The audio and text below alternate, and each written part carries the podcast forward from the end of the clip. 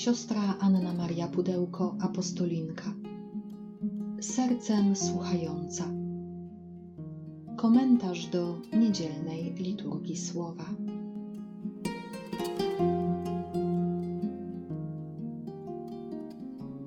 Z Ewangelii według świętego Łukasza. Jezus wyznaczył jeszcze innych, 72 uczniów i wysłał ich po dwóch przed sobą do każdego miasta i miejscowości, dokąd sam przyjść zamierzał.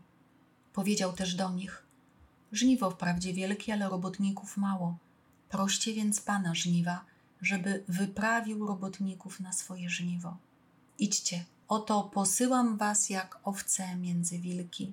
Nie noście ze sobą trzosa, ani torby, ani sandałów i nikogo w drodze nie pozdrawiajcie. Gdy wejdziecie do jakiegoś domu, najpierw mówcie pokój temu domowi. Jeśli tam mieszka człowiek godny pokoju, wasz pokój spocznie na nim. Jeśli nie, powróci do was.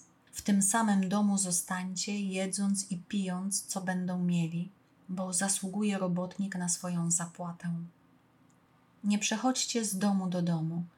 Jeśli do jakiegoś miasta wejdziecie i przyjmą was, jedzcie, co wam podadzą, uzdrawiajcie chorych, którzy tam są, i mówcie im: Przybliżyło się do was Królestwo Boże. Lecz jeśli do jakiegoś miasta wejdziecie, a nie przyjmą was, wyjdźcie na jego ulicę i powiedzcie: Nawet proch, który z waszego miasta przylgnął nam do nóg, strząsamy wam. Wszakże to wiedzcie, że bliskie jest Królestwo Boże. Powiadam wam, Sodomie lżej będzie w ów dzień niż temu miastu. Wróciło siedemdziesięciu dwóch z radością, mówiąc: Panie, przez wzgląd na Twoje imię nawet złe duchy nam się poddają. Wtedy rzekł do nich: Widziałem szatana, który spadał z nieba jak błyskawica. Oto dałem wam władzę stąpania po wężach i skorpionach i po całej potędze przeciwnika, a nic wam nie zaszkodzi. Jednak nie z tego się cieszcie, że duchy wam się poddają, lecz cieszcie się, że wasze imiona zapisane są w niebie. Jezus dzisiaj swoim uczniom, 72 i nam, ukazuje prawdziwy motyw radości. W łasce posłania chrześcijanina, każdego ochrzczonego, każdego bierzmowanego jest udzielenie Bożej mocy. Mocy do składania świadectwa, do dzielenia się wiarą, ale także mocy wolności od podstępów zła. Oto dałem wam władzę stąpania po wężach i skorpionach i po całej potędze przeciwnika, nic wam nie zaszkodzi. Jeśli nie ulegniemy, przejdziemy ponad. Ale nie jest to naszą mocą, naszym sprytem, naszą inteligencją, ale jest to łaska Boga. Dlatego nie potrzebujemy, czy nie jest najważniejsze to, że duchy nam się poddają. Nie jest najważniejsze nawet nasze działanie w imię Boga chociaż jest motywem naszej radości. Cieszcie się, że wasze imiona zapisane są w niebie. A niebo to Trójca, niebo to więź między Ojcem, Synem i Duchem.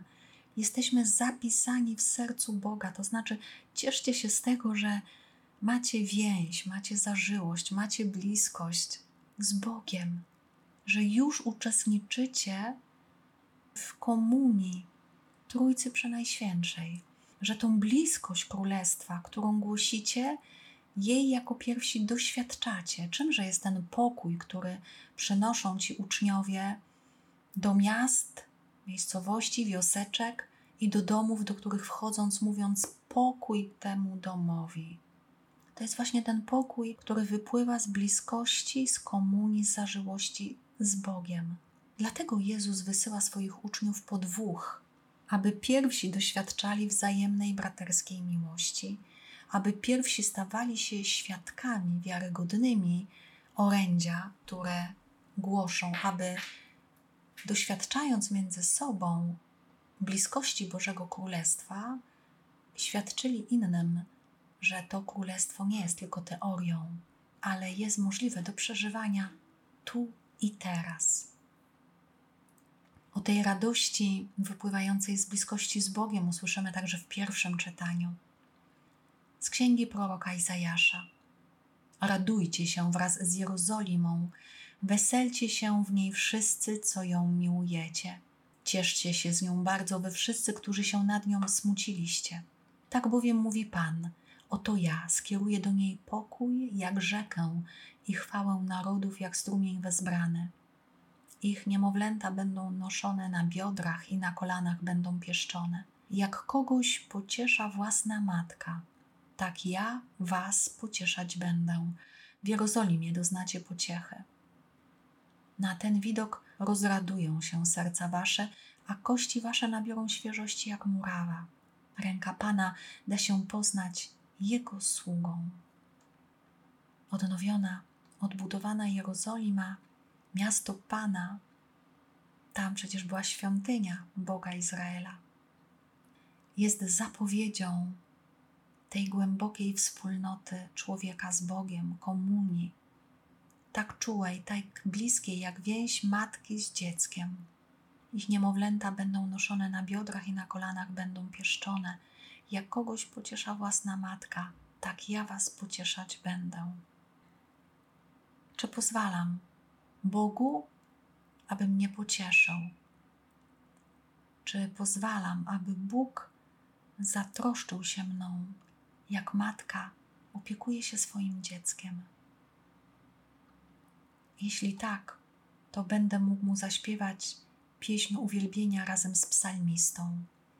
A dziś modlimy się psalmem 66. Z radością sławcie Boga wszystkie ziemie, opiewajcie chwałę Jego imienia. Cześć Mu wspaniałą oddajcie, powiedzcie Bogu, jak zadziwiające są Twe dzieła. Niechaj Cię wielbi cała ziemia i niechaj śpiewa Tobie, niech Twoje imię opiewa. Przyjdźcie i patrzcie na dzieła Boga, zadziwiających rzeczy dokonał wśród ludzi. Morze na suchy ląd zamienił, pieszo przeszli przez rzekę.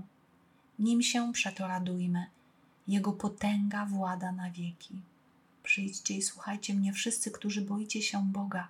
Opowiem, co uczynił mej duszy. Błogosławiony Bóg, który nie odepchnął mej prośby i nie oddalił ode mnie swej łaski rozradować się w Bogu, bliskością z Nim, więzią z Nim, to umieć opowiedzieć innym, co Bóg czyni naszej duszy.